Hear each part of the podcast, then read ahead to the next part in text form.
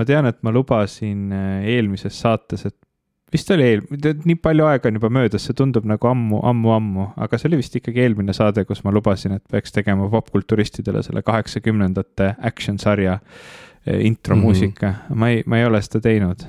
ma, ma märkasin jah. ma ei tea, kuidas. oma suureks kurvastuseks, aga noh, on nagu on kuidas sellest nagu välja saada, et kas ma peaksin uuesti kuidagi ütlema, et äkki järgmiseks korraks või lihtsalt, lihtsalt nagu mitte mainima seda ja, ja lootma, et keegi ei kuulanud meie eelmist saadet ja ei, ja ei küsi. no sina tead, vaata, see on.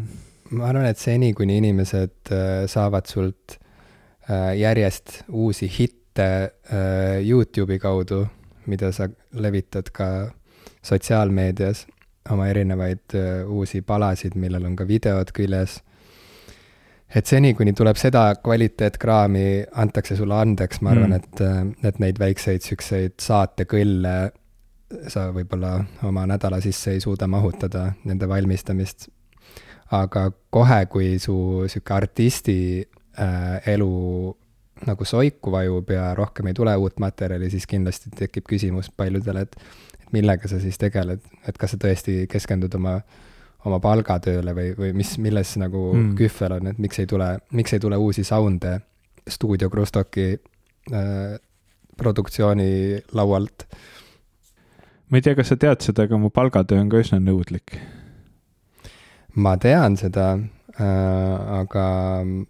aga inimesed tahavad ikka mm. rohkem inimesed tahavad ikkagi muusikat pigem nagu, et äh, mm. tavaliselt kedagi väga ei huvita äh, mis toimub ministeeriumites, välja arvatud siis, kui mingisugune, keegi mingi sigadusega hakkama saab, et võib-olla kui sa seal mm. mingisuguse skandaali pöörisesse satud, siis äh, hakkab ka see pakkuma huvi, aga seni, kuni seda pole toimunud, siis ikkagi on peamine see, mida sa muusikuna teed.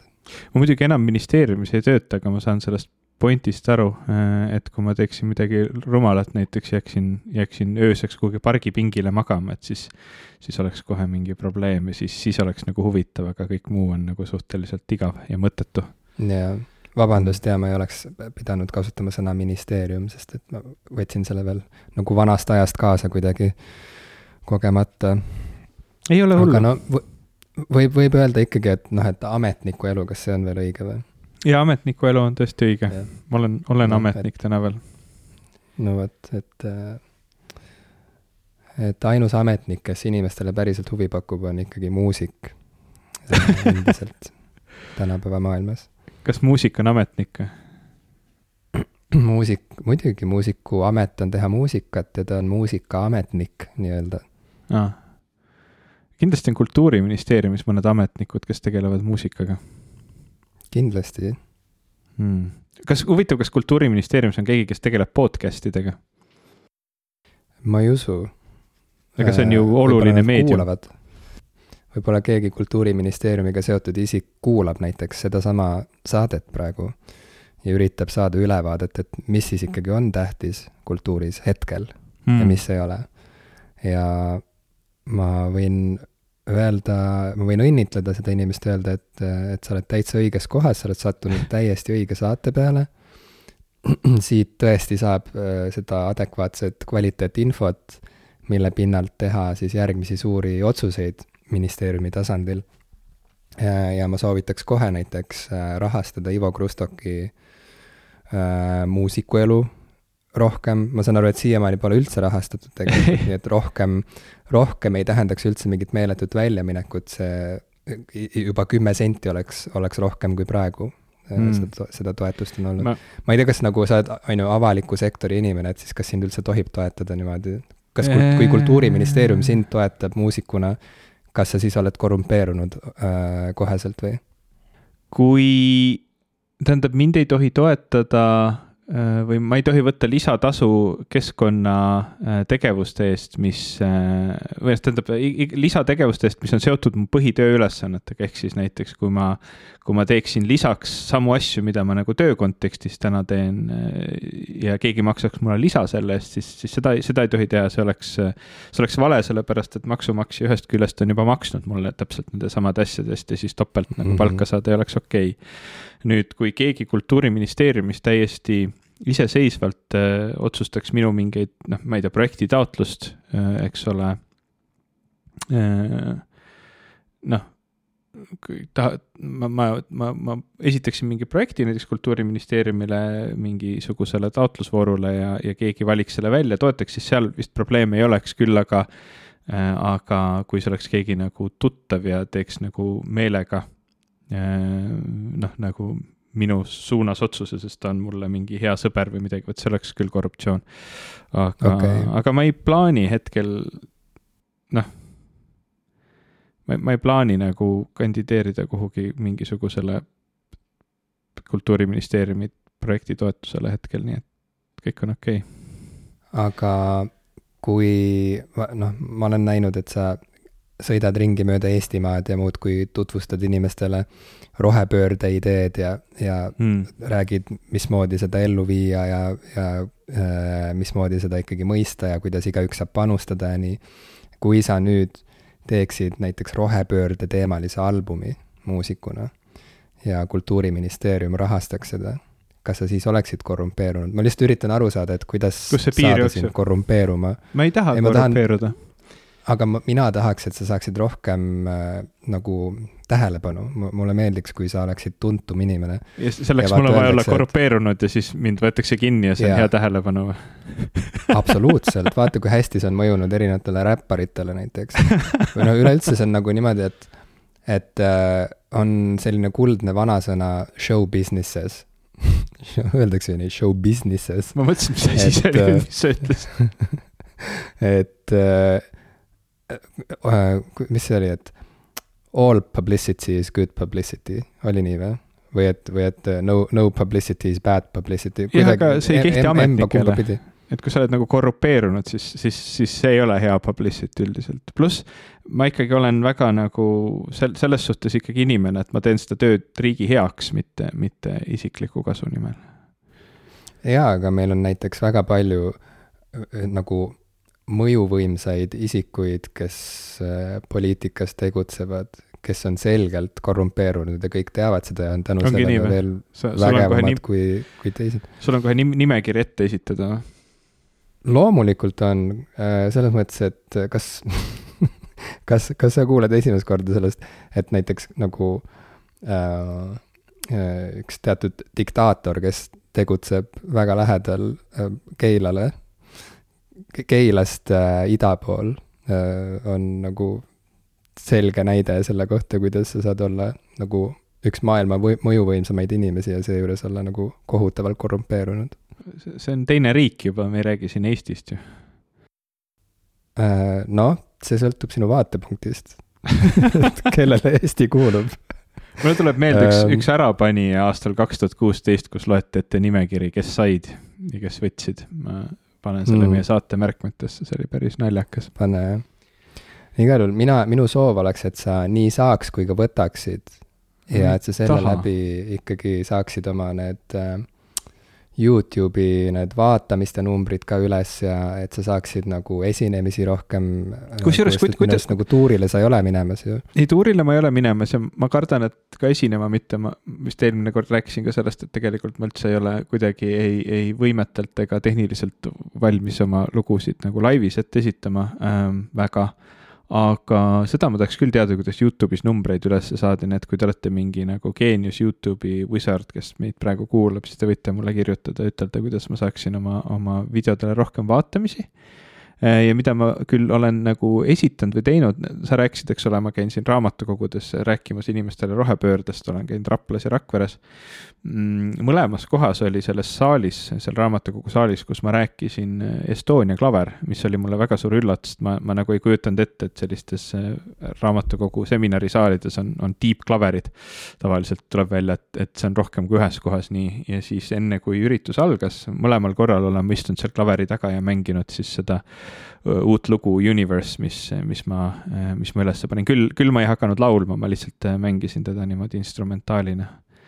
nii et mm, see oli. ja siis hakkasid rääkima inimestega? jaa, mulle tundus, et see on nagu sõbralik, kui ma seal klaveri taga istun, see on kuidagi natukene sihuke melanhoolne meloodia muidugi, nii et võib-olla oleks pidanud midagi lõbusamat mängima, aga, aga ma ei oska mm..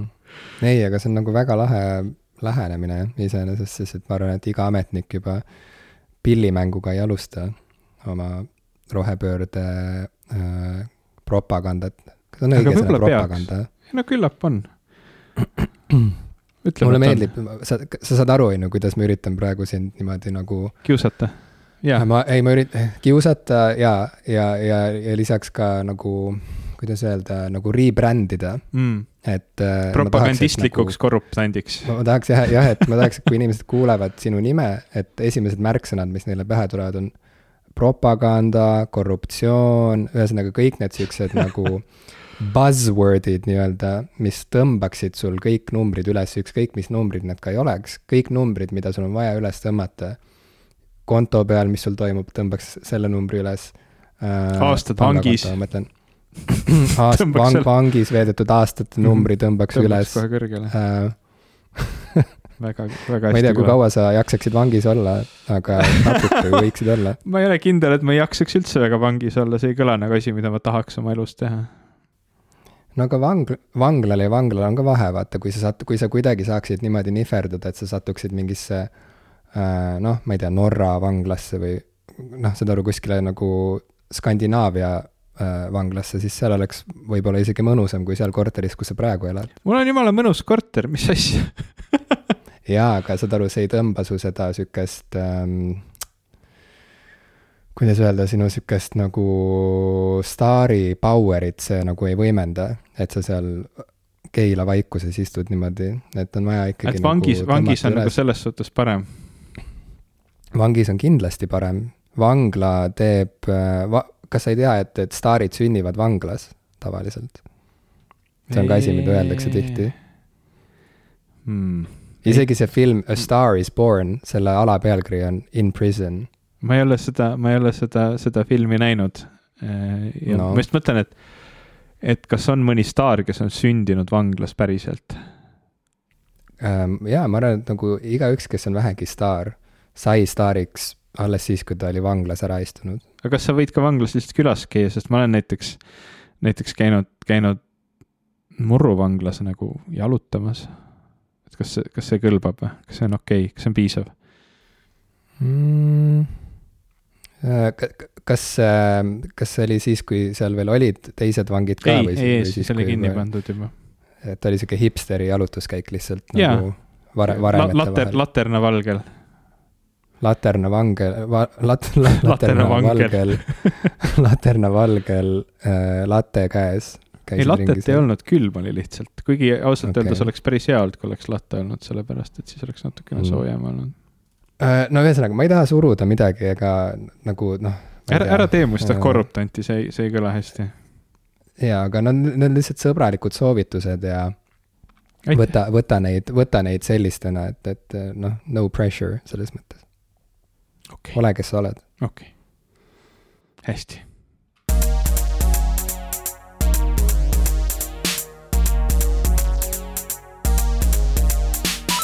tere, minu nimi on Ivo Krustok tere, mina olen Jim Mashilevi. ja nagu te kuulete, siin ei ole seda kõlli, mis ma pidin tegema. Mm -hmm. seda kõlli saatele Popkulturistid. ah jaa, meil oli seal veel asju. kord aastas nagu, nagu tähelepanelik kuulaja on kindlasti juba mitu aastat tagasi märganud. noh, olud ei soodusta äh, regulaarset saate tegemist, ütleme nii, mistõttu ma tunnen eriti kangelaslikult äh, ennast iga kord, kui me ikkagi lõpuks teeme et sihuke suur ületamine on toimunud. No jaa, nagu olude ületamine, isegi mitte enese ületamine, vaid nagu laiemate, suuremate olude. sest et praegu on ka täiesti mingisugune absurdne olukord, kus äh, kuigi ma ostsin selle uue jubina oma MacBooki arvutile mm. -hmm. uue selle dongli, on ju, ma ei tea, kas sellel on mingi normaalne eestikeelne vaste isegi olemas, uue äh, jubina.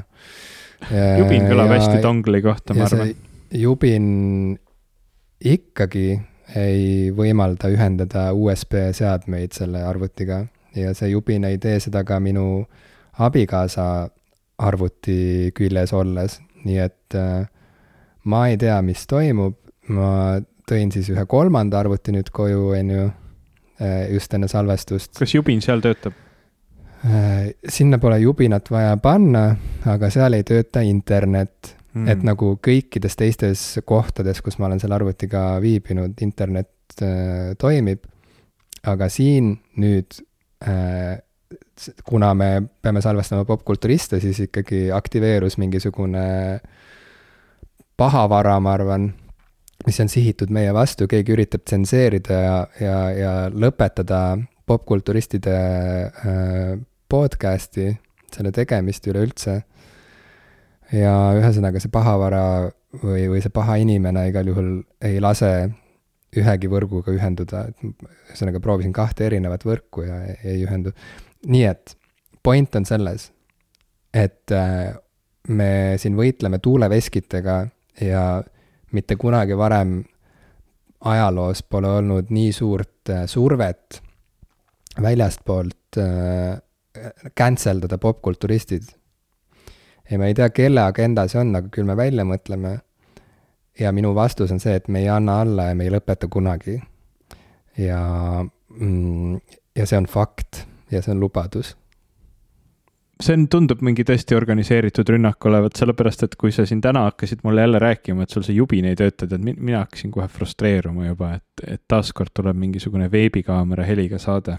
aga näed, saime, saime, me, me oleme võimekad me oleme võimsad, ma arvan, ja me peame me seda. väga võimsad. me peame seda hoidma, seda tunnet, et me saame, saame hakkama, saame selle saate tehtud me oleme võimsad ja muide, kes ei tea, me oleme ka väga korrumpeerunud ja, ja, ja me äh, oleme vangis istunud väga pikalt ja, ja me äh, teame, mis me teeme ja kui me midagi tahame saavutada, siis me saavutame selle ja mitte miski ega mitte keegi ei saa meid peatada. Nii et äh, popkulturistid, see on äh,, kui üldse on olnud Eesti kultuuris kultuurivedurit kui sellist, siis meie olemegi see ja, ja see vedur ei peatu, isegi kui rööpad saavad otsa, siis me ikkagi kütame edasi mööda asfalti sädemeid pildudes sööstame edasi äh, tuleviku poole ja toome sealt teateid inimestele, kes äh, on näljas info järele, et mis siis tegelikult ikkagi toimub popkultuuris. nii et tõmbame selle äh, saate käima. esimene rubriik on Ivo, palun, nii ma just mõtlen, et kõigepealt peaks korra minevikku minema, sellepärast et ma tahan rääkida millestki kurvast ma saan aru, ma tõmb- okay., tõmbasin sellele nagu võimsale joonele ja, ja, rong, ja kõigele nagu nüüd peale nagu kriipsu. see rong lihtsalt nagu jahvatati seal asfaldi peal nagu peeneks äh, metallipuruks lihtsalt nagu praegu selle mm., selle ühe lausega, mille sa kuuldavale tõid lähme siis, davai, lonkame tagasi siis minevikku ja hakkame ikkagi sealt pihta mingi kurva looga. jaa, no nüüd üks kuu aega tagasi suri ära Taylor Hawkins ähm,, Foo Fightersi trummar ja, ja ma, ma tundsin, et oleks lihtsalt kuidagi väga nagu ebaaus, kui me, kui me sellest üldse ei räägiks, sest, sest minu jaoks ta oli väga, no Foo Fighters on mulle nagu oluline bänd ja Taylor Hawkins äh, tema kaotamine mõjus, mõjus mulle nagu rohkem, kui ma arvasin, sest tavaliselt see nagu noh, kuulsate inimeste surmade teema on alati kurb, aga see ei mõju väga lähedalt, sest noh, need inimesed ei ole päriselt ju sõbrad kuidagi või, või,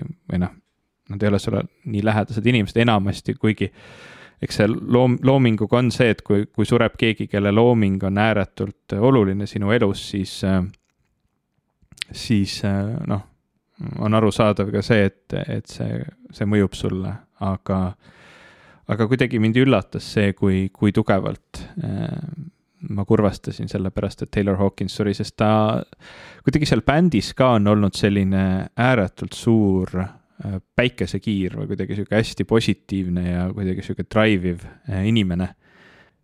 ja eks selle selle surmaga üks asi, mis mulle veel kuidagi hästi tugevalt mõjus, mul, mulle meenus, et Dave Grohl kunagi ühes intervjuus rääkis sellest, kuidas äh,, kuidas Taylor Hawkins äh, on varem peaaegu surnud üledoosi tõttu. Mm.. ja see mõjus talle ääretult laastavalt just Dave Grohlile, sellepärast et äh, noh, ta oli kaotanud Kurt Cobaini juba, eks ole, enesetapu ja narkootikumide tõttu. Ja, ja siis ta nagu kartis, et oh fuck, et järgmine lähedane sõber, eks ole, niimoodi ja, ja õnneks äh, ta, ta pääses ja, ja siis äh, noh, nad on koos veetnud edu, eduka ja pika ja, ja toreda karjääri, eks ole, Foo Fighters siis, ähm, et noh, väga vara ja väga kurb. Ähm, ja ma nüüd äh, olen täheldanud, et mul on hästi raske kuulata näiteks äh, mitte Foo Fightersit, aga äh, mingeid Queen'i laule naljakal kombel nagu ähm, mm noh, Taylor, Taylor Hawkins oli lisaks ka väga hea laulja. Ehm, ja ta tegi tihtilugu nagu oli siukseid olukordi, kus Foo Fightersi kontserdi ajal siis Taylor tuli trummide tagant välja, vahel läks Dave Grohl trummide taha, vahel oli seal mingi teine trummar ja siis nad eh, esitasid eh, siis eh, Queen'i laule väga tihti ja Taylor siis laulis Freddie Mercury osa. Äh, nii et nüüd äh, näiteks Somebody to love äh, oli väga, üks hetk ma korra kontrollin järgi ühe, mul lihtsalt on meelest ära läinud. jah, muidugi, et Somebody to love oli üks, üks selline lugu, mida, mida nad tihti tegid ja teine oli Under pressure mida mm, -hmm. mis ongi täpselt nüüd ma olen avastanud, kui ma seda kuulan, siis mul on veits nagu sihuke melanhoolne tuju tuleb peale just, just Taylori surma tõttu et eh, kurb ja ausalt öeldes ma siiamaani vist keegi nagu väga täpselt ei tea, mis siis, mis siis juhtus, aga, aga ega see lõpuks enam oluline ei olegi. lihtsalt väga kurb mm.. ja me salvestame praegu kahekümne neljandal aprillil kaks tuhat kakskümmend kaks ja, ja Taylor Hawkins lahkus kuu aega tagasi, kahekümne viiendal märtsil siis. ja ma mäletan ka, kui see uudis tuli, siis äh, oli Ukraina sõda, vähemalt see teine vaatus sellest äh, kestnud äh, kuu ja üks päev ja, ja kõik olid juba sellest äh, noh, täiesti nagu läbi põlenud, on ju, kõigist nendest nagu õudustest, mis igapäevaselt äh, äh, reportaažidest välja tuli. Ja siis äh, ma olin ka juba nagu noh, täiesti noh, nagu läbi põlenud emotsionaalselt selleks ajaks ja, ja psühholoogiliselt ja, ja, ja mis kõik ja noh, nüüd on muidugi äh, see kõik lihtsalt kestnud edasi ja, ja on selles mõttes nagu hullem kui, kui, kui kunagi varem, aga, aga tol hetkel see Taylor Hawkinsi äh, surmauudis oli lihtsalt täiesti jälle selline nagu noh, sihuke tunne oli, et nagu, et et, et see ei, ei saa ju olla, et, et järjest tuleb nii palju halbu uudiseid, et lihtsalt nagu mitte ükski hommik enam ei ole nagu rahulik ega positiivne, vaid nagu konstantselt tuleb mingeid teateid, mis lihtsalt eh, noh, teevad nii kurvaks, kui, kui, kui kurb üldse olla saab. Ja, ja see tundus jah, nagu täiesti nagu jabur, et äh, noh, jälle, kui tahta vaadata äh, ajalugu või, või elu selliste aastaringide kaudu, siis ikkagi kaks tuhat kakskümmend kaks on olnud seni ikka nagu noh, nagu kohutav aasta. Hästi nagu äh, äh, nagu ehmatavalt ja üllatavalt ja šokeerivalt halb jätk nagu äh, kõigele, mis algas aastaga kaks tuhat kakskümmend ja Taylor Hawkinsi surm läheb sinna samma halbade sündmuste, halbade mm, halbade asjade ritta põhimõtteliselt ja et viiekümneaastane äh, täiesti fenomenaalne muusik ja, ja ma ka samamoodi äh, tunnen nagu erilist kurbust veel noh, on ju, see, sellepärast alustuseks, et Hawkinsil oli perekond, on ju, ja, ja, ja lapsed ja, ja et ma ei kujuta ette, kui õudne see võib olla jääda ilma oma kõige kallimast pereliikmest niimoodi, et ta on kuskil teises riigis hoopis, on ju, kus, kas ta oli Tšiilis vist või mm,? jah, neil oli mingi Lõuna-Ameerika turnee. jah, et, et sa tead, et, et inimene on läinud, on ju, tuurile, nii nagu ikka ja, ja, ja tegelikult sealt enam mitte kunagi tagasi ei tulegi, et see, see sihuke no see on kindlasti nagu noh, täiesti nagu kirjeldamatult õudne ja ja ega ma seda ette kujutada ei suuda, aga see, nii palju, kui ma suudan, siis see jah, tundub nagu väga kohutav. ja, ja lisaks veel siis Dave Grohl'i ja, ja Taylor Hawkinsi omavaheline selline sõprus ja, ja, ja mis tähendus ja kaal sellel oli ja just nimelt kõik see, mida sa ka kirjeldasid, et et mis on olnud see Dave Grohl'i teekond ja, ja, ja, ja kui, milline nagu läbimurre äh, sellises nagu isiklikus ja eksistentsiaalses plaanis oli tema jaoks see, et ta kasvas välja nirvana nagu sellisest nir-, nirvana varemetest, on ju, ja ja lõi midagi, võiks öelda, et kohati isegi suuremat, on ju, kui vaadata mingite nagu kvantitatiivsete näitajate järgi, et, et kui palju albumeid on loodud sellest ajast peale, kui, et kui palju produktiivsem on Foo Fighters jõudnud olla ja ja, ja mingite näitajate järgi ka nagu edukam, on ju sest et on olnud rohkem aega ja rohkem vunki, et, et seda kõike saavutada. aga jah, et Taylor Hawkins on olnud täiesti võtmeisik ju selle kõige juures ja, ja mulle tundub, et, et nad olid jah, Dave Grohliga ikka nagu väga lähedased, et ilmselt Grohl mm, noh, jäi ilma oma parimast sõbrast, mul on, mul on niisugune tunne.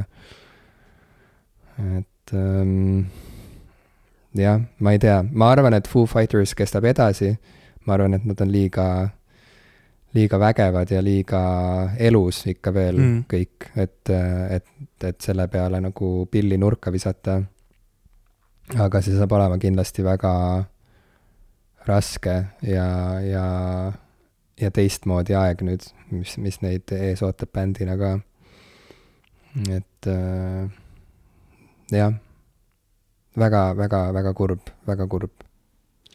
igatahes äh, mõtleme sinu peale, Taylor, ja, ja kuulame seda muusikat edasi. ja ma tahtsin siia otsa veel küsida, et kas sul on õnnestunud vaadata, Foo Fighters jõudis veel enne, enne seda mm, noh, tragöödiat äh, teha ju filmi, ühe nagu nalja õudusfilmi, kas sa seda jõudsid näha või?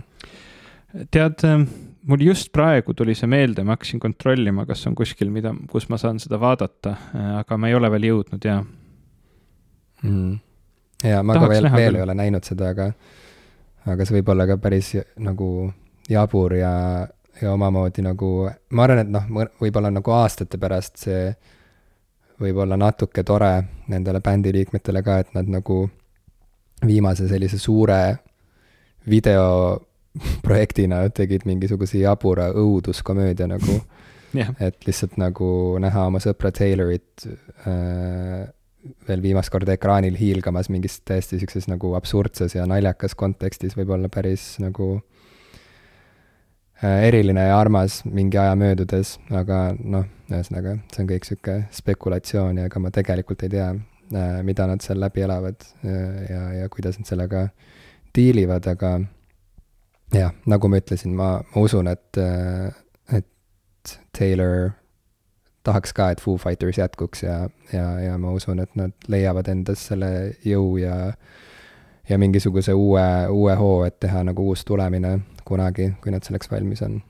jaa, ma, ma usun sama ja katsun, katsun nüüd vahepeal enne meie järgmist salvestuskorda selle filmi ära vaadata, sest see tundub ka selline asi, millest oleks põnev rääkida. jaa, jaa, proovime. muusikalainel jätkates, Ivo, kas sa Record Store Day raames plaadipoes käisid? täna on pühapäev, see ametlikult toimus siis eile. vähemalt see esimene laine sel aastal, ma saan aru, et teine laine tuleb äh, juunis, kui ma ei eksi. Ähm, et kas plaadipoes käisid või? jaa, eile ma käisin äh, Beat Me plaadipoes, äh, astusin sealt Aha. läbi. Mm, ma küll pikalt ei olnud ja ühtegi plaati ära ei ostnud, küll aga ma tellisin või tähendab, mitte ei tellinud, ma sain aru, et Madis oli juba tellinud ja ma palusin siis endale ühe, ühe broneerida, kui nad kohale jõuavad. Centre El Musa on sihuke üks Eesti bänd, ähm, kes teeb sellist, ma ei tea, krautrocki või veits sellist mm, džämmipõhist muusikat ja neil tuli siin selle aasta aprillis välja album nimega Purple Stones mida mu kolleeg Glen mulle, mulle soovitas just, just eile, et väga hea plaat, ma ei olnud kuulnud, ma ei olnud, ei olnud sellega kursis olnud. ja siis äh, mõtlesin, et äh, et kui, kui juba, siis, siis võtan selle plaadi, mida ma, millele mul oli just soovitus tehtud, mida ma olin natukene selleks ajaks jõudnud juba kuulata ja mis jättis jube hea mulje. kahjuks jah, seda, seda eile seal kohapeal ei olnud, aga, aga siis ma loodan selle järgmine nädal kätte saada. Äh, no väga hea. sina käisid Record Store Dail või? Äh, ei ma, ma ei tea, ma just mõtlesin, et sa tõstatasid selle teema mingi, et mul, ma sain ülirariteetse mingisuguse uue Äh, uue plaadi, mis, mis sinu sokid maha lööb sinu jalgade otsast, aga. sinu aga sokid ei. jalgade otsast ära rokib.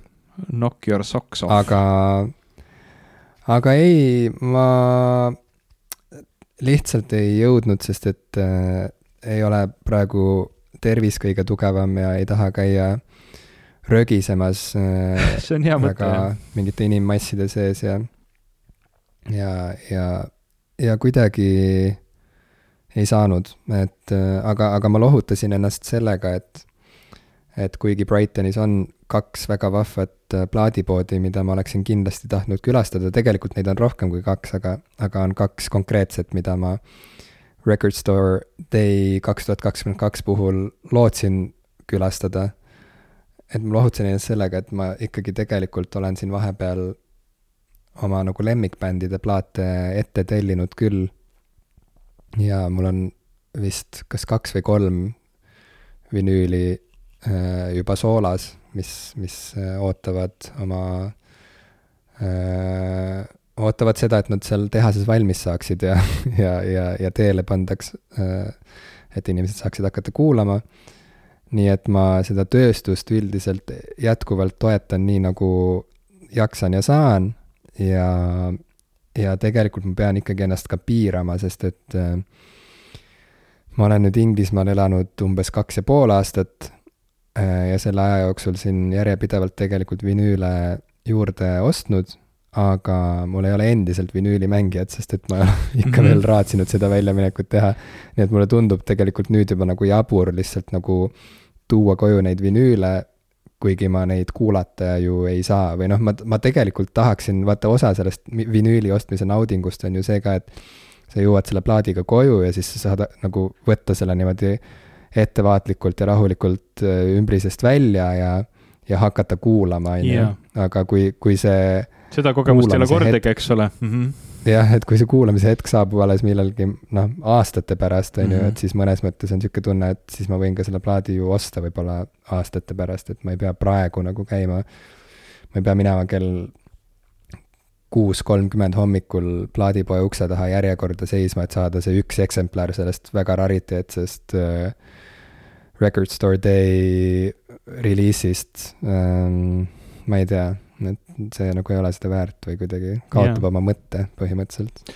ja ei, ma täitsa mõistan seda, mul oli ka väga pikka aega täpselt sama teema, et ma ostsin plaate mm,, aga, aga vinüülimängija oli kuskil pööningul koos mu vinüülidega hoiul. Et ma alles tegelikult siin mõne kuu eest äh, selle plaadimängija sealt ära tõin ja nüüd, nüüd kuidagi jälle on, on oluliselt nauditavam see protsess, ma olengi käinud siin selline äh, vinüülplaadipood on Tallinnas nagu terminal, lisaks siis äh, meie mm -hmm. suurele lemmikule Beatme'le, äh, kus ma siis olen ka niimoodi, see on niisugune ohtliku koha peal, ta asub täpselt seal rongijaama kõrval, Balti jaama kõrval ja, ja hästi tihti tekib niisugune olukord, kus ma lihtsalt niimoodi oodates rongi, astun sealt läbi, et see mõni minut nii-öelda äh, veeta kuidagi produktiivsemalt ja, ja tavaliselt lahkun siis sealt vaesemana, mis, mis ei ole, noh, ma ütlen, et see on selline ohtlik, ohtlik koht ja ohtlik pood mm,. ehk ja... siis sind röövitakse paljaks seal? ei no ma ikka ise hea meelega annan, annan ära seda, seda raha sinna, aga noh, ma ütlen, et see on sihuke, et tegelikult kui ma sinna ei peaks minema või üldse ei läheks siis võib-olla mul nii, äh, nii palju seda raha ei kuluks, aga mis mulle väga üldiselt meeldib... ma lihtsalt, ma tahan segada siia vahele lihtsalt, et öelda, et, et see lihtsalt näitab, et ega, ega paigad ei muutu, et äh, iga koht on see, mis ta on, aegade algusest aegade lõpuni ja Balti jaam oli sihuke ohtlik kant, kust ei tasunud äh, väga nagu läbi käia mm -hmm. niimoodi üksi. Äh, ja, ja ta on, on seda ka praegu, kuigi see pealispind on nüüd nagu niimoodi läikima löödud ja, ja tehtud siukseks nunnuks, on ju, aga seda ohtlikum see on, et endiselt on nii, et kui sa Baltast läbi jalutad üksi, sind röövitakse paljaks põhimõtteliselt, lihtsalt seda teha, tehakse nüüd nagu niimoodi mm -hmm. naeratuse saatel ja nagu nunnumalt kui varem mm mulle väga meeldib nende puhul, nad on teinud sellise videoseeria nimega Minu plaadisaak, kus vist Jaa, eelmises osas äkki. Mart Juur. Jaa äh,, jaa, ma nägin ka sedasama. see on tore rubriik. hästi kihvt on niimoodi kuulda, mis plaati inimesed ostavad, miks, mis tundeid ja, ja mõtteid see nendes tekitab ja just ka see Mart Juure plaadisaak spetsiifiliselt, et ma olen küll hästi suur Iron Maideni fänn äh, olnud alates umbes üheksakümne üheksandast aastast, kui ma neid es esimest korda kontserdil nägin. Ja noh, see on nüüd juba kakskümmend kolm aastat tagasi tegelikult, noh, uskumatult pikk aeg, arvestades, et ma ise olen alles kolmkümmend äh,, issand, kui vana, neli ähm,. ja ja tema siis see kirjeldus sellest, kuidas iga kord, kui uus Iron Maideni plaat tuleb, on selline, oh kui tore, on ju, aga siis on mõte, et aga noh, ilmselt ma seda nagu ei osta ja siis ikka nagu tegelikult mm -hmm. nagu kuuled, et palju head ja siis ikka ostad ja noh, ühesõnaga. et mul, mul on nagu natukene sarnased tunded vaikselt tekkinud äh, Iron Maideniga, aga üldiselt äh,. ja, ja teine asi, mis ta välja tõi, oli muidugi Uriah Heepi Demons and Wizards album, ta kirjeldas Uriah Heepi kui ühte oma nooruspõlve Mm, nooruspõlve ansamblitest ja, ja kuidagi nagu taasavastas siis neid, neid nüüd. minu jaoks Demons and Wizards on üks paremaid klassikalise rocki albumeid üldse ja minu meelest Uriah Heep mm. selles mõttes on hästi kuidagi alahinnatud, et nad on alati sihuke veits nišikam olnud kui ma ei tea, Deep Purple või, või, või teised siuksed nagu suuremad nimed, nad, nad kindlasti on nagu suur nimi klassikalise rocki ajaloos, aga ma arvan, et Demons ja Wizards on, on, on üks paremaid selle žanri plaate üldse äh, nagu ta on, ta on nagu läbivalt lihtsalt väga hea plaat, seal on väga mitu head lugu ja ta toimib nagu tervikloominguna nagu ääretult hästi. nii et ma mm. loodan, Mart, et sul on äh, hea kuulamine olnud nende plaatidega. ja ma loodan, et Terminalilt neid video, video äh,, videosid tuleb juurde, et need on, tundub hästi põnev nagu selline projekt. sihuke üldse mitte sujuv üleminek, aga põhimõtteliselt Nii. teine bänd nagu kelle vinüüli ma võib-olla isegi kaaluksin osta nüüd, mis on värskelt välja tulnud, on äh, Red Hot Chili Peppers äh, mm.. Nende album Unlimited Love, ma ei tea, kui, kui palju sa või kui vähe sa üldse oled kunagi mõelnud nende peale või, või neist hoolinud ähm,. et. Red Hot Chili Peppersil on mitu väga-väga head lugu. Ja, ja kindlasti mm -hmm. on neil ka mitu väga head plaati, kuigi ma ei ole neid kunagi niimoodi plaadikaupa tõsiselt ette võtnud, välja arvatud Californication, mis on väga hea plaat, aga mis kõlab nii halvasti, et ma ei taha teda kuulata ta on nii äh, üle, äh, või noh, mitte üle produtseeritud, aga ta on nii valjuks keeratud, et teda on natukene ebamugav kuulata, et mul, mul on neid plaate kahjuks veel, mille puhul ma pean tõdema, et tegu on väga hea plaadiga, aga ma ei, ma ei saa teda kuulata lihtsalt, sest see heli häirib mind nii kohutavalt, ta on nii klaustrofoobiline, intensiivne mm,. ja Californication kahjuks on üks, üks äh, tugevamaid näiteid sellistest albumitest ja muus osas nagu peale selle, et ma arvan, et tegu on väga andekate inimestega, väga huvitava viisiga, kuidas erinevaid žanreid kokku niimoodi panna, siis ausalt öeldes ma vist kuulasin ühte uut singlit nende sellelt uuelt plaadilt, seda kõige esimest. lihtsalt, et oo, näed, et Red Hot Chili Peppersil on uus äh, lugu väljas. ja ma kuulasin seda mingi selline hea äh, poole peale isegi vist et, et ei, ei inspireerinud ja kuidagi see plaat samamoodi ei ole tõmmanud tähelepanu, küll aga Jack White'il äh, on, on uus plaat väljas, mis on väga selline. aa, see on nüüd väljas? jaa, väga Eesti lipu värvides on ta viimasel ajal, ta on selline sinimustvalge. Äh, et ta mm, -hmm. ta kannab, äh, tal on hästi intensiivsed sinised juuksed. tal on nahk kuidagi hästi-hästi valgeks puuderdatud, ma eeldan ja, ja siis ta kannab siukseid musti ja siniseid riideid. Äh, selle albumi nimi on Fear of the Dawn ja selle kaanekujundus on ka sinimustvalge, et sihuke, ma mõtlen, et väga, väga eestilik on see kõik olnud, sobiks mm -hmm. väga hästi meie äh,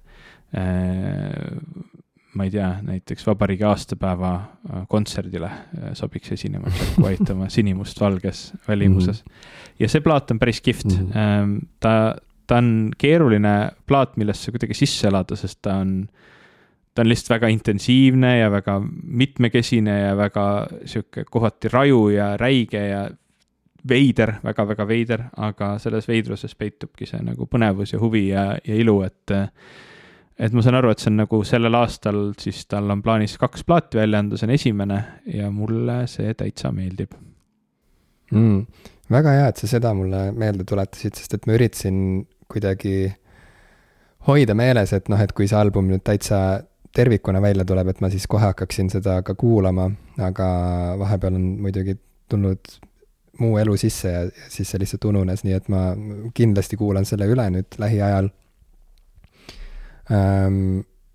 Jack White on minu jaoks natuke samasugune tegelane nagu, nagu Chili Peppers tegelikult äh,, nagu see sinu poolt äh,, nagu see sinu kirjeldus äh, Chili Peppersile, mida sa just mm. äh, siin kuuldavale tõid, et äh, et tegu on minu silmis Jack White'i puhul siis nagu väga andeka ja mitmekülgse muusikuga äh, ja nii edasi ja nii edasi, aga lihtsalt mingil põhjusel ma nagu ei ole oma elus väga palju äh, noh, vajanud nagu tema muusikat otseselt, et on olnud mingisuguseid White Stripes'i lugusid, mis on mulle väga-väga meeldinud ja mis on nagu noh, juba kui nad pildile, pildile ilmusid, siis oli tunda noh, et see on nagu mingisugune see, et noh, neil on mingi sihuke eripära ja, ja sihuke nagu löögijõud, et lihtsalt neid on võimatu nagu mitte märgata, et noh, et nad on nagu võimsad ja vägevad ja huvitavad ja ja nad kuidagi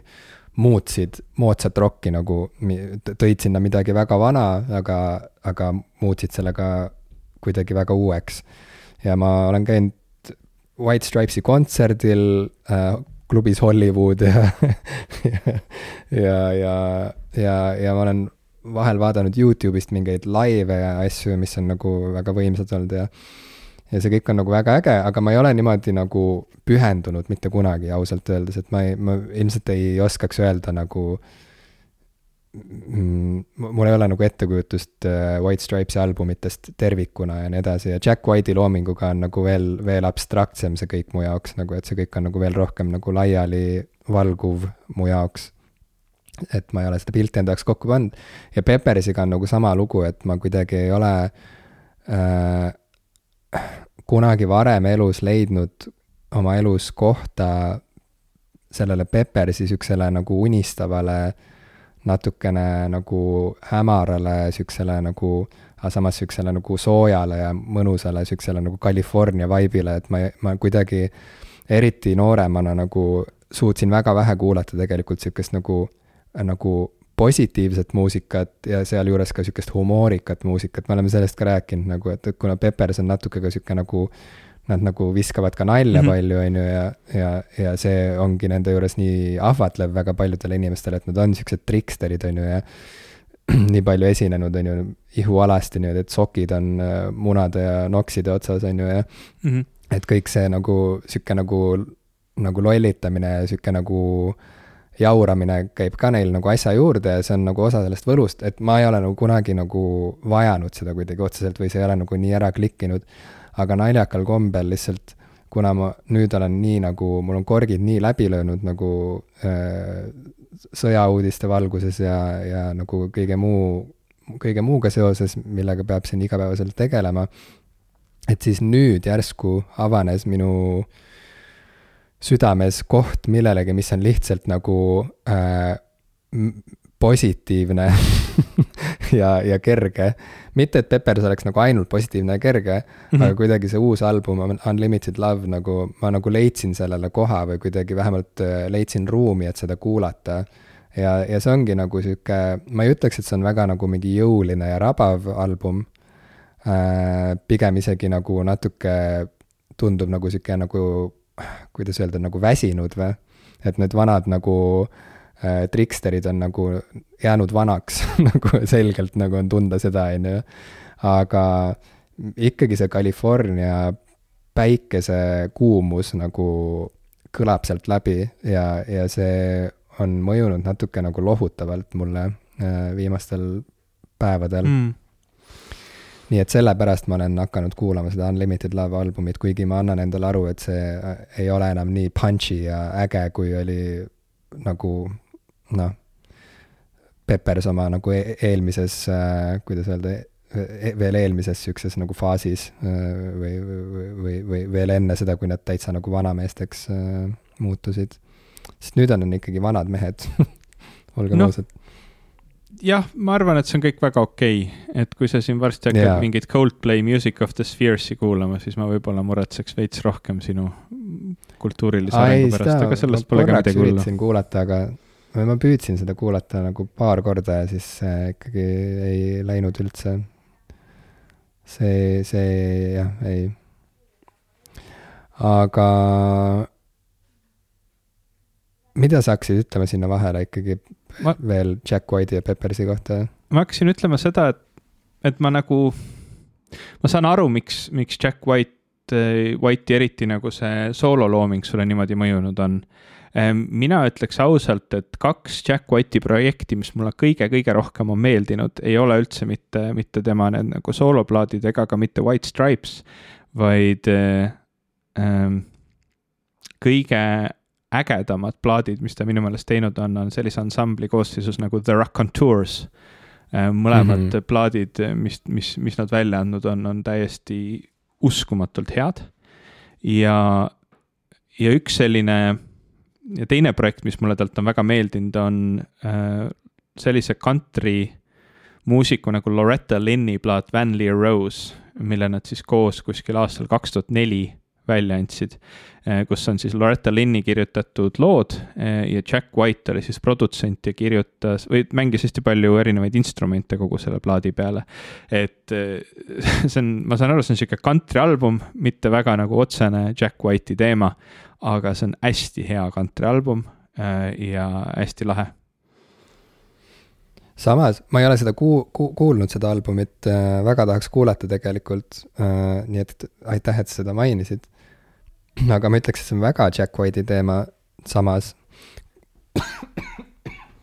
vabandust, et kui lihtsalt vaadata, et, et äh, kust on tema põhilised mõjutused tulnud ja ma vist nägin kunagi mingisugust, ilmselt Youtube'ist nägin mingit äh, sellist portreelugu Jack White'ist, kus ta rääkis oma erinevatest pillidest ja, ja kaamera jälitas teda, kui ta seal käis oma majas ringi ja stuudios mm -hmm. ja oma kodulinnas ja ja noh, see on väga selge, et, et, et selline Ameerika vana sihuke bluus ja country ja kõik see on nagu väga-väga sügavalt ja tugevalt mõjutanud tema, tema enda heliloomingut ja tema enda sellist nagu tunnetust üldse muusikuna mm. -hmm. nii et mulle tundub see väga loomulik äh, klapp nagu ja, Jack White'i ja country vahel. ta on, aga, aga noh, ma ütlen, et, et võib-olla kui, kui nagu lihtsalt meenutada, et, et, et mis on Jack White'i loomingus kõige olulisem, siis,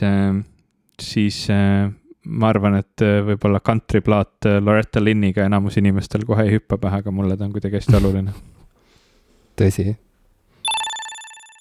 Mul on sihuke tunne, muusikast täna kuidagi sobib rääkida, ma mõtlen, ma võtan selle muusika teema ja lähen nüüd kuhugi hoopis äkki depressiivsematele radadele, äkki ka mitte, vaatame, kuhu me välja jõuame. Ähm, Lähme, lähme veel depressiiv, sest Taylor Hawkinsi surm ei olnud üldse nagu veel piisavalt masendav. ja võtame ikka, noh, kaks tuhat kakskümmend kaks ikka, teeme ikka theme year, vaata. Edaspidi kõik popkulturistide saated on ainult masendavad, et see rong, rong läks rööbastelt maha ja me ei plaani teda isegi rongile nagu rööbastele tagasi panna mm. -hmm. Mm kas sa oled kuulnud sellist, eh, sellist laulu nagu John Lennoni Working Class Hero? Äh, ma ütleks, et ei ole ja okay. võib-olla see on vale vastus. võib-olla ma olen, aga ma ei tea, aga ma lihtsalt ei, ei teadvustanud endale, et see on see mm -hmm. laul, aga, aga selle pealkirja kuulmise peale mul mingit meloodiat peas ei hakka mängima igal juhul jah, ma, nüüd ma ei teagi, kuhu selle teemaga niimoodi minna, ma püüan siis ära sulle selgitada, mis, mis, mis lugu see on. John Lennon kirjutas selle loo, John Lennon pole isegi kunagi, pole ise kunagi mingi väga working class olnud, eks ole äh,, nagu pigem. et ta, ta ikkagi oli, oli nagu veits, veits nagu higher class või, või noh, tead see Briti klasside süsteem on mingi, eriti sel ajal, kui John Lennon üles kasvas, oli mingi eriti nagu. see olenes sellest, kus sa elasid, mis auto su isal oli ja isegi mitte, mis auto, vaid mis auto margi tüüp ja, ja noh, kuni selleni välja, et mis kooli siis ja mis riided, no ühesõnaga nagu, nagu meil kõigil, eks ole ehm, et tema ei olnud kunagi nagu väga working class, aga ta on kirjutanud sellise loo, kus ta siis räägib sellest, kui, kui kohutav see kõik on. Mm, kui kohutav on üleskasvamine, kui, kui halbu, halvasti inimesed kohtlevad üksteist ja, ja kuidas noh, ühesõnaga terve elu sind pannakse tundma väikese ja mõttetuna ja, ja Nad vihkavad sind, kui sa oled koolis tark ja vihkavad sama ja, ja samamoodi vihkavad inimest, kes on rumal. Ja ei saagi aru, mida sa siis pead, pead äh, järgima ja tegema ja kui sind kakskümmend aastat seal koolis on piinatud ja hirmutatud, et siis öeldakse sulle, et sa pead nüüd karjääri valima. ja sa ei saa arugi õieti midagi, sest sa oled, sa oled hirmu täis ja sa tegelikult ei tea, mida sa tahad ja kuidas aga õnneks on olemas, eks ole, religioon ja seks ja televisioon, mis kõik siis nagu Äh, hoiavad sind nagu sellises tundes, et sina, sina mõistad ja oled klassivaba ja vaba ja, ja, ja ühesõnaga sihuke kurb laul, ühesõnaga mm,. lõpeb siis selle salmiga, et, et tipus on veel ruumi, sulle vähemalt öeldakse, aga kõigepealt sa pead õppima naeratama, samal ajal kui sa tapad. Äh, kui sa tahad olla nagu need mäe otsas olevad inimesed ja see on hästi küüniline küüniline vaade elule ja karjäärile ja, ja ma kujutan ette, et et noh, inimestele, kes, kes võib-olla pole oma eluvalikutega rahul või, või sellega, kuidas nende elu on läinud, see, see võibki nii tunduda. Ma ei tea, kuidas John Lennonile tundus. kas ta kirjutas selle oma, oma mõtetest või kellegi teise mõtetest, ma ei ole seda kunagi niimoodi uurinud, aga see, see pani mind mõtlema selle üle, et et ma olen, ma olen ka nagu hästi palju oma äh, oma eluvalikute, karjääri ja kõige peale mõelnud ja noh, ma, ma ütlen, et ma ei, ma ei samastu kuidagi selle lauluga, ma teismelisena tahtsin olla sihuke edgy ja siis mõtlesin, et aa jaa, täiega nagu õiged sõnumid koolis, täiega hirmutatakse sind ära ja vihatakse sind, kui sa oled tark ja rumal ja mida iganes. et ma nagu tol hetkel see nagu kõnetas mind, aga rohkem sellepärast, et ma olin vihane teismeline, mitte et see minu oma elust oleks kuidagi rääkinud. aga aga praegu ta nagu ei kõneta mind, aga ta tekitas mul nagu sellise huvitava tunde, et et äh, kuidas me üldse nagu teeme neid eluvalikuid, et, et noh, see, need, need point'id, mis siin on, on kõik hästi õiged, et noh, tegelikult äh, noh mm, me kasvamegi üles väga eba, ebaideaalsetes tingimustes, meie haridussüsteem on, on väga kaugel ideaalsest, äh, eriti kui meie koolis käisime, ma usun, et ehk on mõni asi paremaks läinud, aga ma usun, et meie hariduse osas tehti väga palju asju, mis ei ole kuidagi lapse arengut või, või sihukest täisväärtuslikku ähm, elu mm, toetavaid valikuid on tehtud meie, meie, meie haridusel.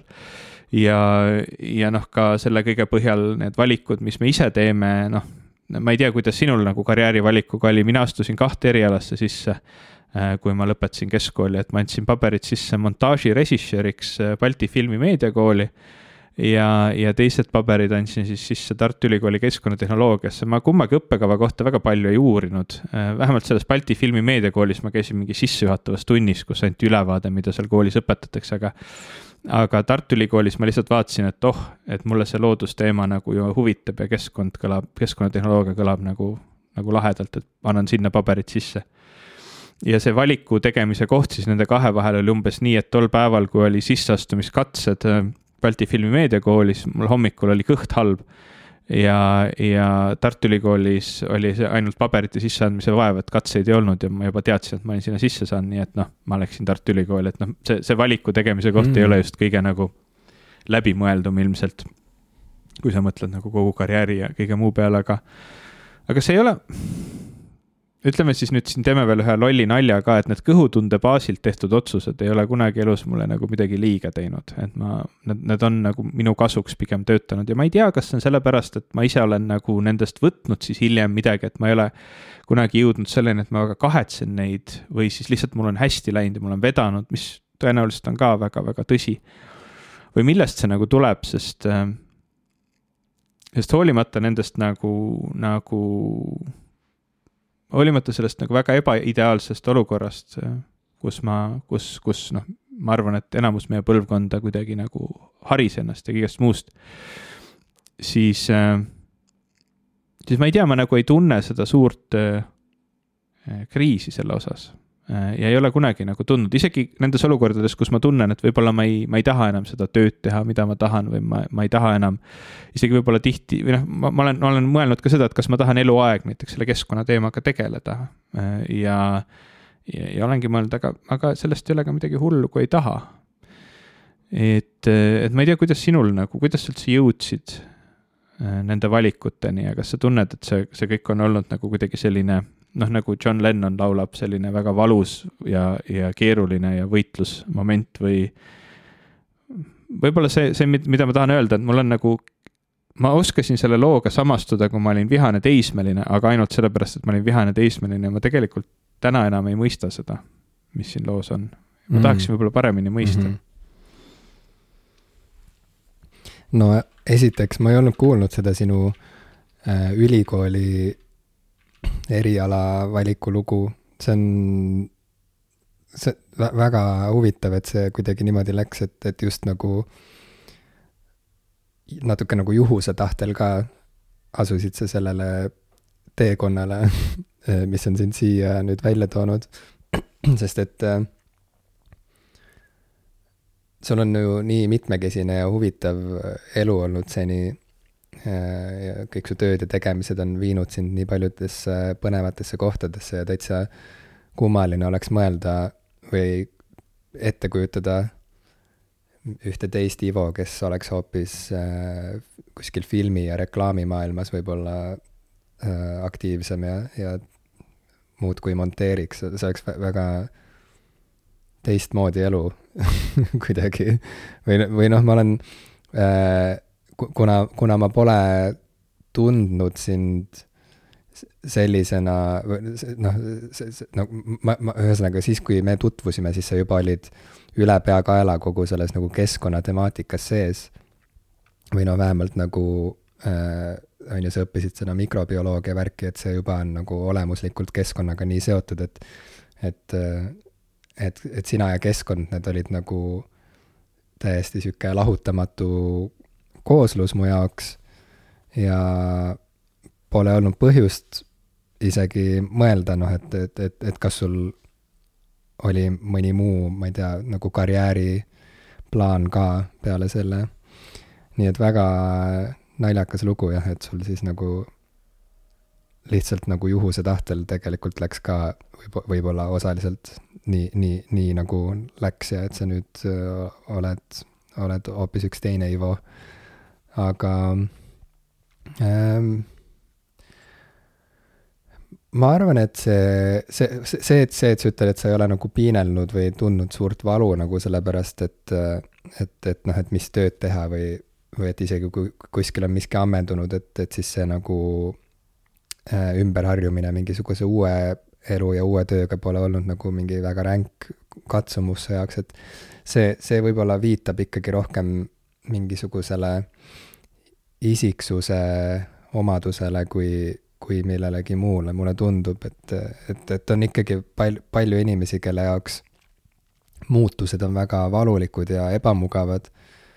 Ja, ja kes äh, lähevadki läbi elu niimoodi, et nad tegelikult ei leiagi üles seda oma rida või oma teemat, millele nad tahaksid pühenduda, et nad lihtsalt teevad mingit tööd ja, ja kui nad sealt, kui, kui, kui töönädal saab läbi, et siis nad nagu noh, tingimata ei mõtle selle peale, et kui, kui vägevaid asju sai tehtud nüüd tööl ja kuidas, kuidas järgmine nädal saaks veel, võib-olla veel paremini ja kuidagi huvitavamalt lahendada mingeid asju, et töö on lihtsalt mingi asi, mida tehakse, sest et sealt saab palka ja, ja, ja, ja kõik see muu seal ümber on nagu äh, see, mis on peamine, on ju.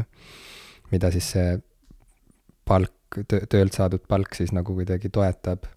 aga et see töö ise tingimata nagu ei, ei inspireeri ega, ega kuidagi kanna endas mingit suuremat tähendust selle inimese elus mm,.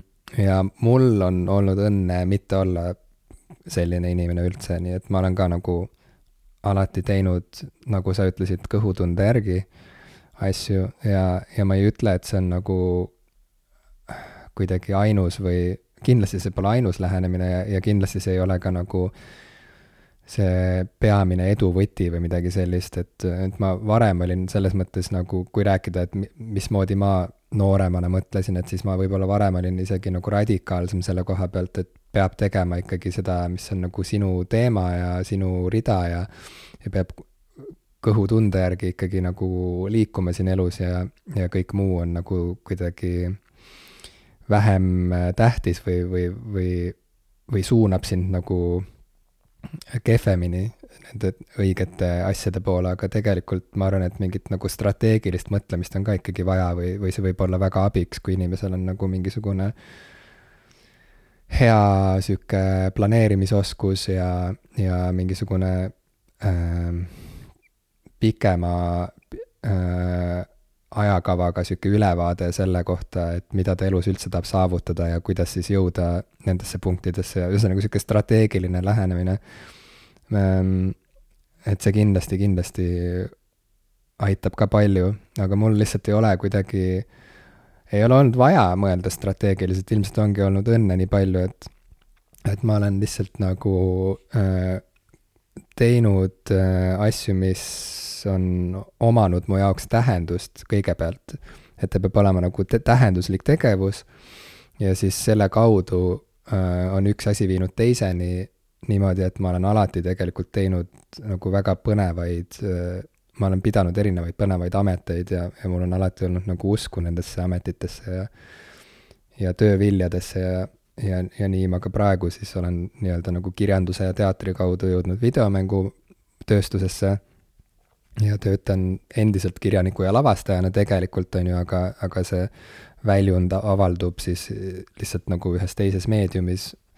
Äh, ja ma ei ütle, et ma siia jään nagu igaveseks või et mitte kunagi enam ühtegi raamatut ei avalda ega ühtegi lavastust ei tee, aga see on lihtsalt nagu jällegi osa sellest kõhutunde järgi äh, kujundatud protsessist või, või kulgemisest, et et kui kõhutunne ütleb, siis mingil hetkel ilmselt on vaja siis liikuda mingisse järgmisesse kohta, aga praegu on kõhutunne selline, et, et ma olen õiges kohas ja teen õiget asja, nii et ma ei tea, et see on niisugune naljakas asi, mida nagu äh, tundub, et nagu peab rääkima noortele, eriti kes seal keskkoolis vaevlevad ja, ja kes võib-olla elavad läbi seda, mida, millest Lennon laulis, on ju. Ja, ja siis on nagu oluline sisendada inimestele eneseusku ja seda, et sa pead ikkagi nagu ma ei tea, kuidagi nagu, et, et sinu elu on sinu oma ja keegi, keegi teine seda sinu eest elada ei saa, nii et parem siis juba nagu proovida ja katsetada neid asju, mida, mida tingimata võib-olla teised heaks ei kiida, aga mida sa ise tunned, et sa nagu pead nagu proovima ja ära tegema, et et hiljem võib olla selleks juba hilja ja ühesõnaga, et usu endasse ja usu oma ideedesse ja usu, kuula oma südant ja kuula oma äh, kõhutunnet, on ju.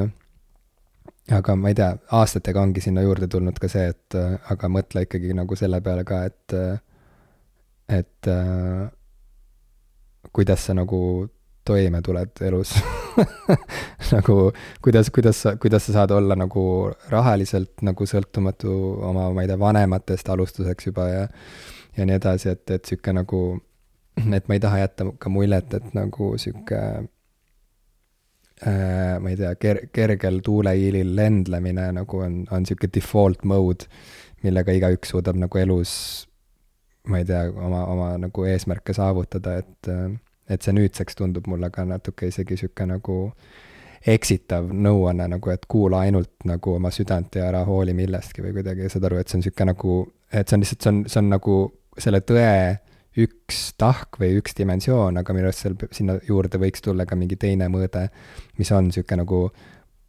planeeritum lähenemine mm. oma, ma ei tea, soovidele ja eesmärkidele, vaata.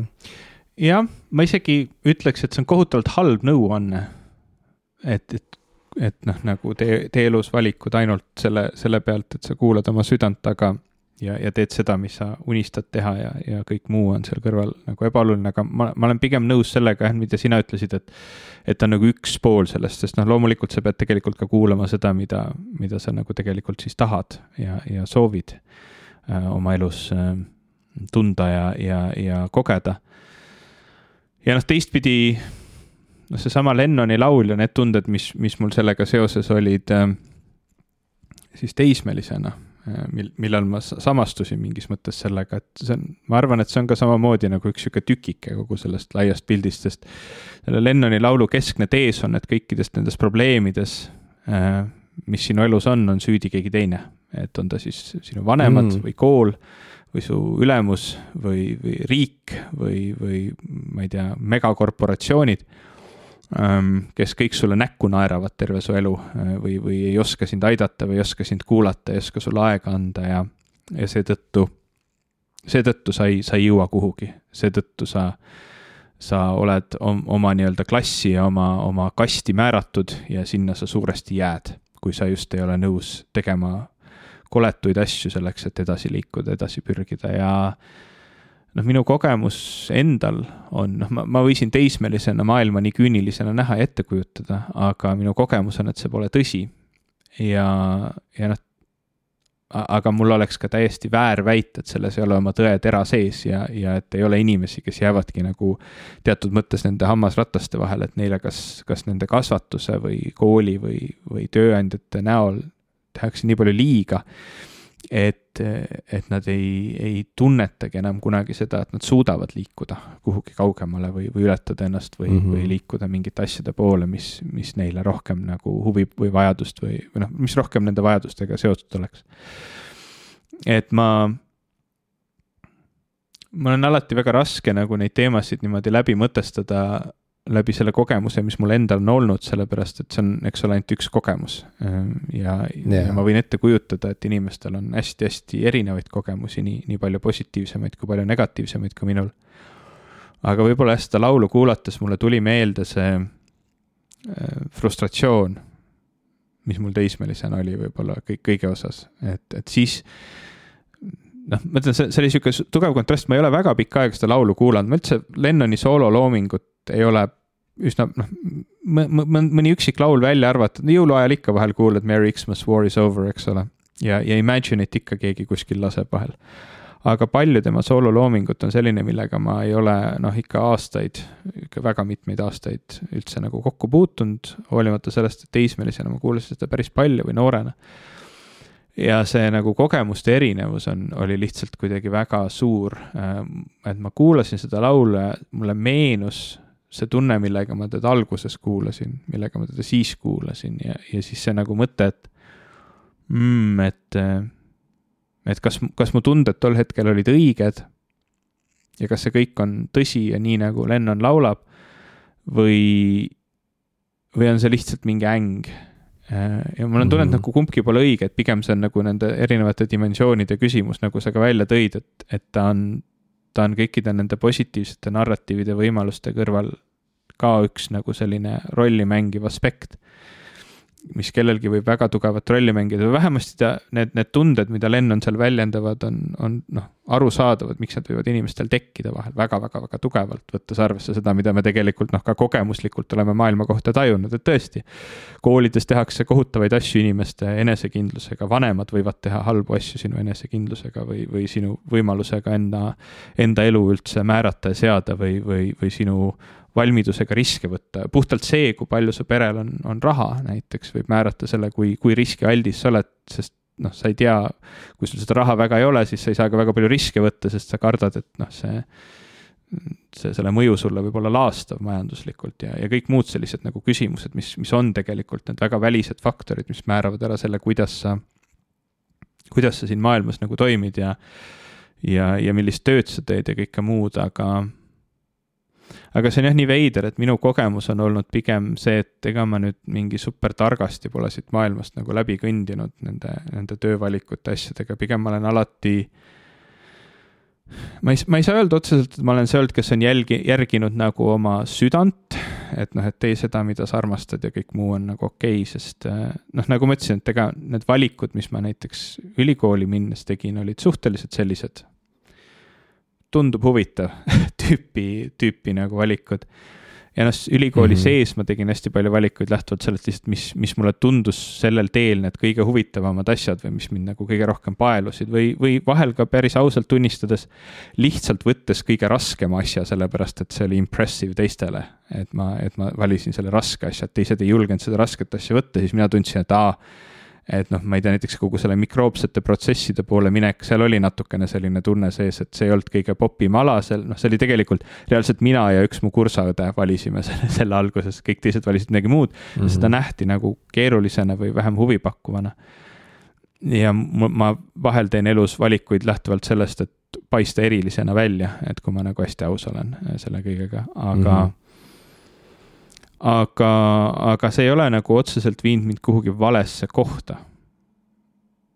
Äh, ma ei ole selle läbi, ma usun, kannatanud ja see on väga huvitav kontrast sellega, et tegelikult mm,, tegelikult võib-olla ma ei tea siis, kas parem oleks olnud olla rohkem strateegiline või oleks see mulle mingit lisastressi ja, ja just probleeme kaasa toonud, mida ma ei oskagi täna näha.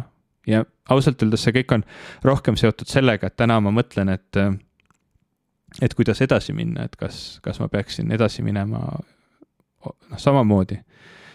Ehm, või, või peaksin ma, teades seda, mida ma täna tean, noh, näiteks karjääri ja töö ja elu kohta üleüldiselt, mis on noh, absurdselt palju rohkem kui, kui siis, kui ma viimane kord selliseid suuremaid valikuid oma elus pidan, pidin tegema, et, et kas ma nüüd peaksin teistmoodi minema, kas ma peaksin olema strateegilisem mm.?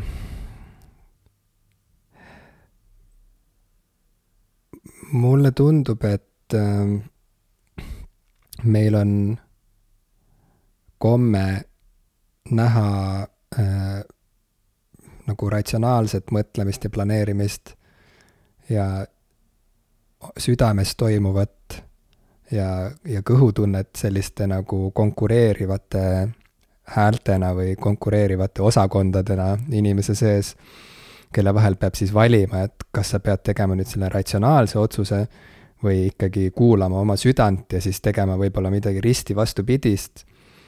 või siis äh, ongi kuulama siis oma kõhutunnet, mis on nagu mingisugune imelik segu ilmselt neist mõlemast või midagi sellist. aga on ju ka võimalus vaadata seda kõike sellise mm, tervikuna, et need ongi nagu see on nagu sinu sisemine parlament või midagi sellist, mis äh, pidevalt debateerib ja toob välja plusse ja miinuseid erinevate valikute puhul. ja selles mõttes äh, on võimalik ju ka näha seda Lennoni laulu niimoodi, et et, et kui, kui, kui mitte võtta seda nagu selle ühe ja ainsa vaatepunktina või võimaliku tõena, siis läheb kõik jälle nagu paika, et, et harva on niisugused nagu absoluutsed väited tõesed, nagu näiteks, et kõiges on alati keegi teine süüdi, on ju, noh, et ei ole kõiges alati keegi teine süüdi. aga see ei tähenda, et väga paljudel puhkudel võib olla keegi teine süüdi sinu kannatustes, näiteks koolis mul ka oli väga vastik ja raske nagu ikkagi kokkuvõttes, kuigi mul vedas väga Äh, koolikaaslaste ja klassikaaslastega, et sellel tasandil oli kõik alati nagu kõik, kõige noh, nii, nii hea kui üldse olla saab, on ju, et, et nagu väga palju äh, nalja ja väga palju sihukest toetavat ja toredat nagu koos eksisteerimist äh, selles muidu väga ebameeldivas keskkonnas ja süsteemis. et mina õpilasena ju seda süsteemi ei kujundanud, ma olin seal nagu, mulle lihtsalt pandi kohustus seal osaleda niisuguse nagu alluvana ja, ja mul ei olnud nagu väga palju valikuvõimalusi. nii et koolisüst-, haridussüsteem oli süüdi osaliselt jah, minu kannatustes, aga selle kõige juures ma ei saa absoluutselt väita, et mingis nagu paremas süsteemis või mulle sobivamas süsteemis ma oleksin ise nagu kuidagi parem õpilane olnud tingimata või, või nagu arvestavam ja, ja noh, mis iganes, et, et seal need kannatused oleksid olnud lihtsalt teistsugused ilmselt. nii et nagu saab olla süsteem süüdi ja saan olla ka mina süüdi, et need asjad saavad äh, olla tõesed üheaegselt äh,, paralleelselt. ja äh, ja mis puutub siis nagu eluvalikutesse, et kas siis ikkagi nagu kuulata südant või kuulata oma mõistust, on ju, et siis ka seal nagu ei pea tingimata minu meelest olema mingit nagu konflikti, vaid saab ka jõuda, ma usun, saab jõuda kohta, kus need, need erinevad instantsid ja hääled sinu sees teevad koostööd ja, ja ikkagi suunavad sind selles mõttes nagu õigesse kohta, et et sa ei tunne, et noh, et, et sa teed nagu ebaratsionaalseid otsuseid mis on nagu impulsiivsed ja läbimõtlemata, ehk siis kuulad ainult südant ja siis võib-olla riskid sellega, et teed midagi täiesti pöörast ja vabandust, pöörast ja kahjulikku, on ju, pikemas plaanis. Äh, või siis, et kuulad ainult oma mõistust ja siis kujutad ette, kuidas sa kunagi nagu kümme aastat hiljem või kakskümmend aastat hiljem istud siis kuskil ma ei tea, mingil mugavamal positsioonil, kuhu see ratsionaalne plaan sind nagu viis, aga kahetsed ikkagi, sest et sa ei kuulanud oma südant ja tegelikult sa oled õnnetu, minu arust see on see nagu sihuke stereotüüpne vaade sellele asjale mm -hmm. nagu või sellele konfliktile.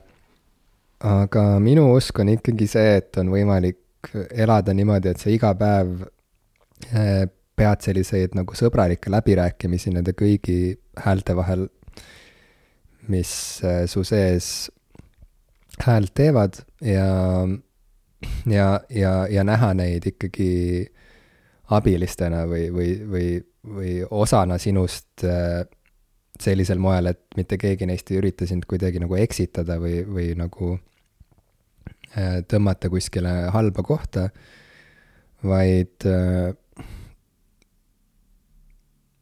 noh, kokkuvõttes otsuse teed ju sina ise, on ju, ükskõik mis mis argumendid need lõpuks on siis, mis nagu selle kaalukausi ühele või teisele poole äh, kummutavad, kummuli ajavad, ma ei tea, kum-, äh, mis iganes. kummitavad, on see sõna, mida sa otsid. jaa, et ähm, ühesõnaga, ma arvan, et nagu seda kõike nähakse niisuguse nagu kakofooniana aga see siht peab alati olema harmoonia poole liikumine ja see on niisugune pidev protsess. ja ma ei tea, kui suure osa oma elust me üldse saame mingis harmoonias nagu veeta või mingis harmoniseerunud olekus, pigem on nagu valdav osa ajast ikkagi niisugune segadus ja kaos ja, ja disharmoonia või kakofoonia. aga sina ise oma niisuguse sisemise dirigendina ikkagi äh, saad saad nagu töötada kogu aeg selles suunas, et et see kõik nagu kõlaks õigesti, et see kõlaks nii, nagu, nagu sinu elu peab kõlama. ja, ja selles mõttes äh, ei tasu kedagi sealt orkestrist välja visata, ühesõnaga on mu, on minu sõnum. sest et neil kõigil on midagi öelda. jah, eks ta lõpuks nagu võib-olla see, mida ma siis nagu tajun selle loo puhul või, või seal, miks, miks ma sellest praegu rääkima hakkasin, on see, et ma tunnen, et neid hääli on sisse rohkem tulnud. või siis nad on kuidagi nagu targemaks saanud ja oskavad äh, oskavad omavahel väidelda natukene mitmekesisemalt ehm, et, et noh, nagu tekib see, ma ei tea, kas ta annab, kas, kas see olukord annab mulle rohkem kindlust täna et mul on neid hääli rohkem ja, ja nad on tugevamaks mingites aspektides muutunud või siis ta, ta tekitab nagu natukene hirmu isegi, et, et, et miks nad järsku nüüd nii valjuks on, on muutunud või, või, või nii heade argumentatsioonidega tulevad. aga ma kardan, et see, see John Lennoni laulu hääl või see nii-öelda, et kõik teised on süüdi, mida ma kindlasti teismelisena vähemalt mingis osas nagu hindasin et see on kuidagi väga ära vajunud mu sees ja, ja pigem on see hea, sest noh, ma ütlen, et mul on nagu, ma ei oska sellega täna enam samastuda väga, aga ma väga hästi mõistan äh, nende tunnete olemasolu ja, ja seda, miks nad võivad tekkida. ja noh, ka pean tunnistama mina, et, et kuigi mul on väga vedanud vanematega, siis, siis ka minu aeg koolis, eriti sihuke põhikooli aeg oli ääretult ebameeldiv ja, ja tõi minule kaasa mingisuguseid hirme ja, ja ebakindlusi, mida ma ilmselt siiamaani endas hoian. et, et see ei ole mm -hmm. nagu, et need välised tegurid on, on olulised, et sinna ei saa kahjuks midagi parata. see, see ongi kõik nagu sihuke pidev äh, protsess ikkagi jah, et äh, on aegu, kus tasub läbi käia kõik, üle vaadata ja üle lugeda kõik oma traumad, on ju. ja siis on aegu, kus on vaja lihtsalt äh, tegutseda ja, ja ehitada mingit uut elu ja uut kvaliteeti ja uut tulevikku ja mitte jääda kinno sin-, kinni sinna traumade, traumade muuseumi ähm,. jah, et äh, oled sa rahul no, oma, oma kuna, tööga praegu? ja, ja ma olen väga rahul ja, ja, ja ma olen ka väga rahul äh, sellega, et äh, mul on võimalus jälle Kanye Westist rääkida, sest et meil tegelikult lepinguliselt isegi, me vist ei tohi neid saateid eetrisse lasta või noh, internetti üles laadida, kui ei ole mainitud Kanye Westi isegi korra. Mm.. ja, ja nüüd viimati, kui oli Ameerikas Black History Month, siis üks Kanye Westi postitustest vist Instagramis, sest et ta on ju niisugune inimene, kes, et kui ta midagi Instasse paneb, siis sellest räägitakse uudistes. Et, et, et siis üks, üks tema sellistest olulistest postitustest oli see, et ta kuulutas, ma ei mäleta vist, kas sellest järgmise kuu Black Future Month'iks, mis ongi nagu olnud äh, pikalt minu arust see tema niisugune hoiak kogu selle asja juures, et et noh, et kuidagi kogu see niisugune ajalooline taak ja trauma on äh, loomulikult oluline ja, ja on mänginud oma rolli, aga, aga et tema on nagu jõuliselt seisnud selle eest, et, et me peaksime nagu hästi palju rohkem panema auru selle alla, et kuidas edasi minna ja kuidas kujutada ette nagu paremat tulevikku. noh, et see, paljud muidugi ütlevadki selle peale ja täiesti põhjendatult, et noh, et kes minevikku ei mäleta, see elab tulevikuta, on ju, et noh, et me oleme nagu ette määratud kordama vanu vigu ju, kui me nagu ei tea, äh, et, et need vead on juba tehtud ja, ja kui me ei saa neist õppida. aga noh, lihtsalt niisuguse nagu äh, hoiaku näitena, see on minu meelest ikkagi niisugune vajalik, et, et, et me tõesti võime nagu mingitesse narratiividesse nii kinni jääda. noh, minu arust nagu Eestis ka jällegi arusaadavatel põhjustel ja eriti nüüd jälle sõjafooni äh, taustal on kuidagi väga pinnale jälle kerkinud kogu see meie sihuke nagu traumaatiline äh, minevik, on ju, ja, ja kuidas see trauma nagu endiselt elab edasi ja kuidas see kandub edasi põlvkonnast põlvkonda ja nii edasi. aga et jällegi mulle tundub, et nagu selle kõige juures äh, ma arvan, et nagu siuksed nagu traumeeritud ühiskonnad peavad nagu eriti äh, sihilikult ja, ja erilise jõupingutusega panustama tegelikult sellesse ka, et ühtlasi loodaks ja, ja, ja, ja, ja disainitaks ja kujundataks äh, tulevikku, mis ei oleks selline enam, nagu oli see traumaatiline minevik.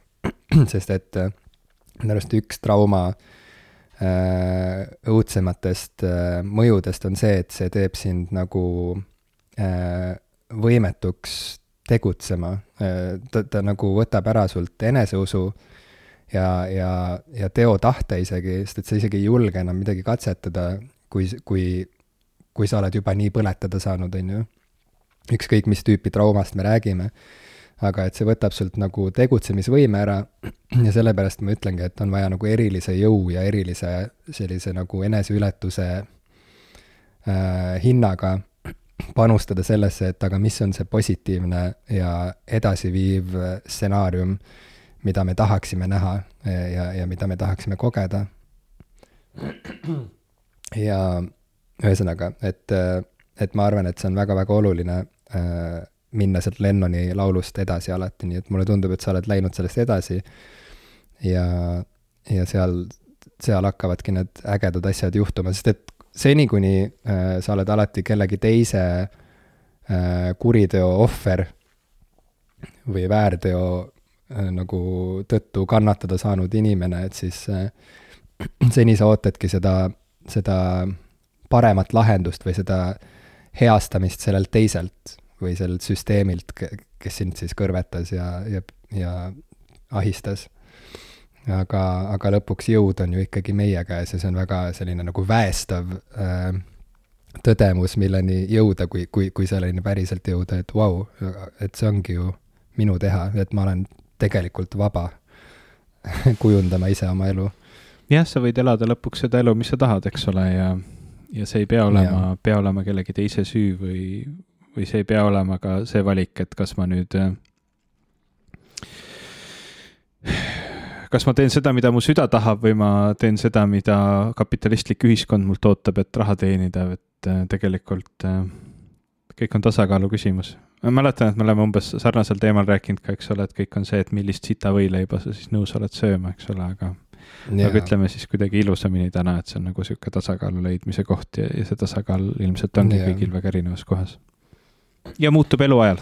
jah, ja, ja, ja see sita võileiva metafoor tuli siis Mark Mansonilt, siukselt, äh, ma ei tea, mõtlejalt, elu, elu mõtestajalt, tuntud elu mõtestajalt, elu mõtestajalt, kes rääkis, et ükskõik kui, kui ägedat karjääri sa endale ka ei saa ja ükskõik kui ägedat, ma ei tea, kodu või mis iganes elukaaslast sa endale ka ei leia, et siis iga hea asjaga kaasneb ka tingimata äh, mingi väga ebamugav ja ebameeldiv ja, ja raske asi, millega sa pead äh, kuidagi hakkama saama ja diilima ja küsimus lõpuks taandubki sellele, et, et mis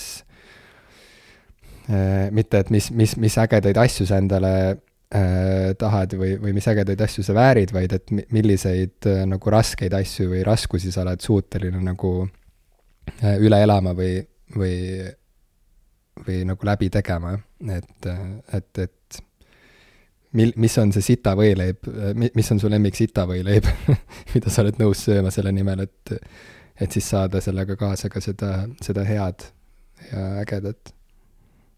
Mulle ei meeldi öelda sõna sitavõileib, ma ütlen selle see ei ole üldse mõnus nagu... sõna, seda ei ole hea kuulda ka enamus sõnad, mis on seotud sitaga, on nagu ma kahetsen, et ma olen sellest rääkinud täna um, tõmbame siis selle saate ja. kokku, võib-olla äkki läheb veel hullemaks. pasasai, kas see on parem või? pasapirukas see on nii palju hullem aga mõtleme edasi. ma ei taha, et sa siin äh, edasi mõtleks. lõpet-, lõpetame ära, ma, ma lihtsalt hakkan ära tsenseerima sind, ei ole, ei ole meie kuulajatel vaja seda selle niigi traumeeriva osa lõppu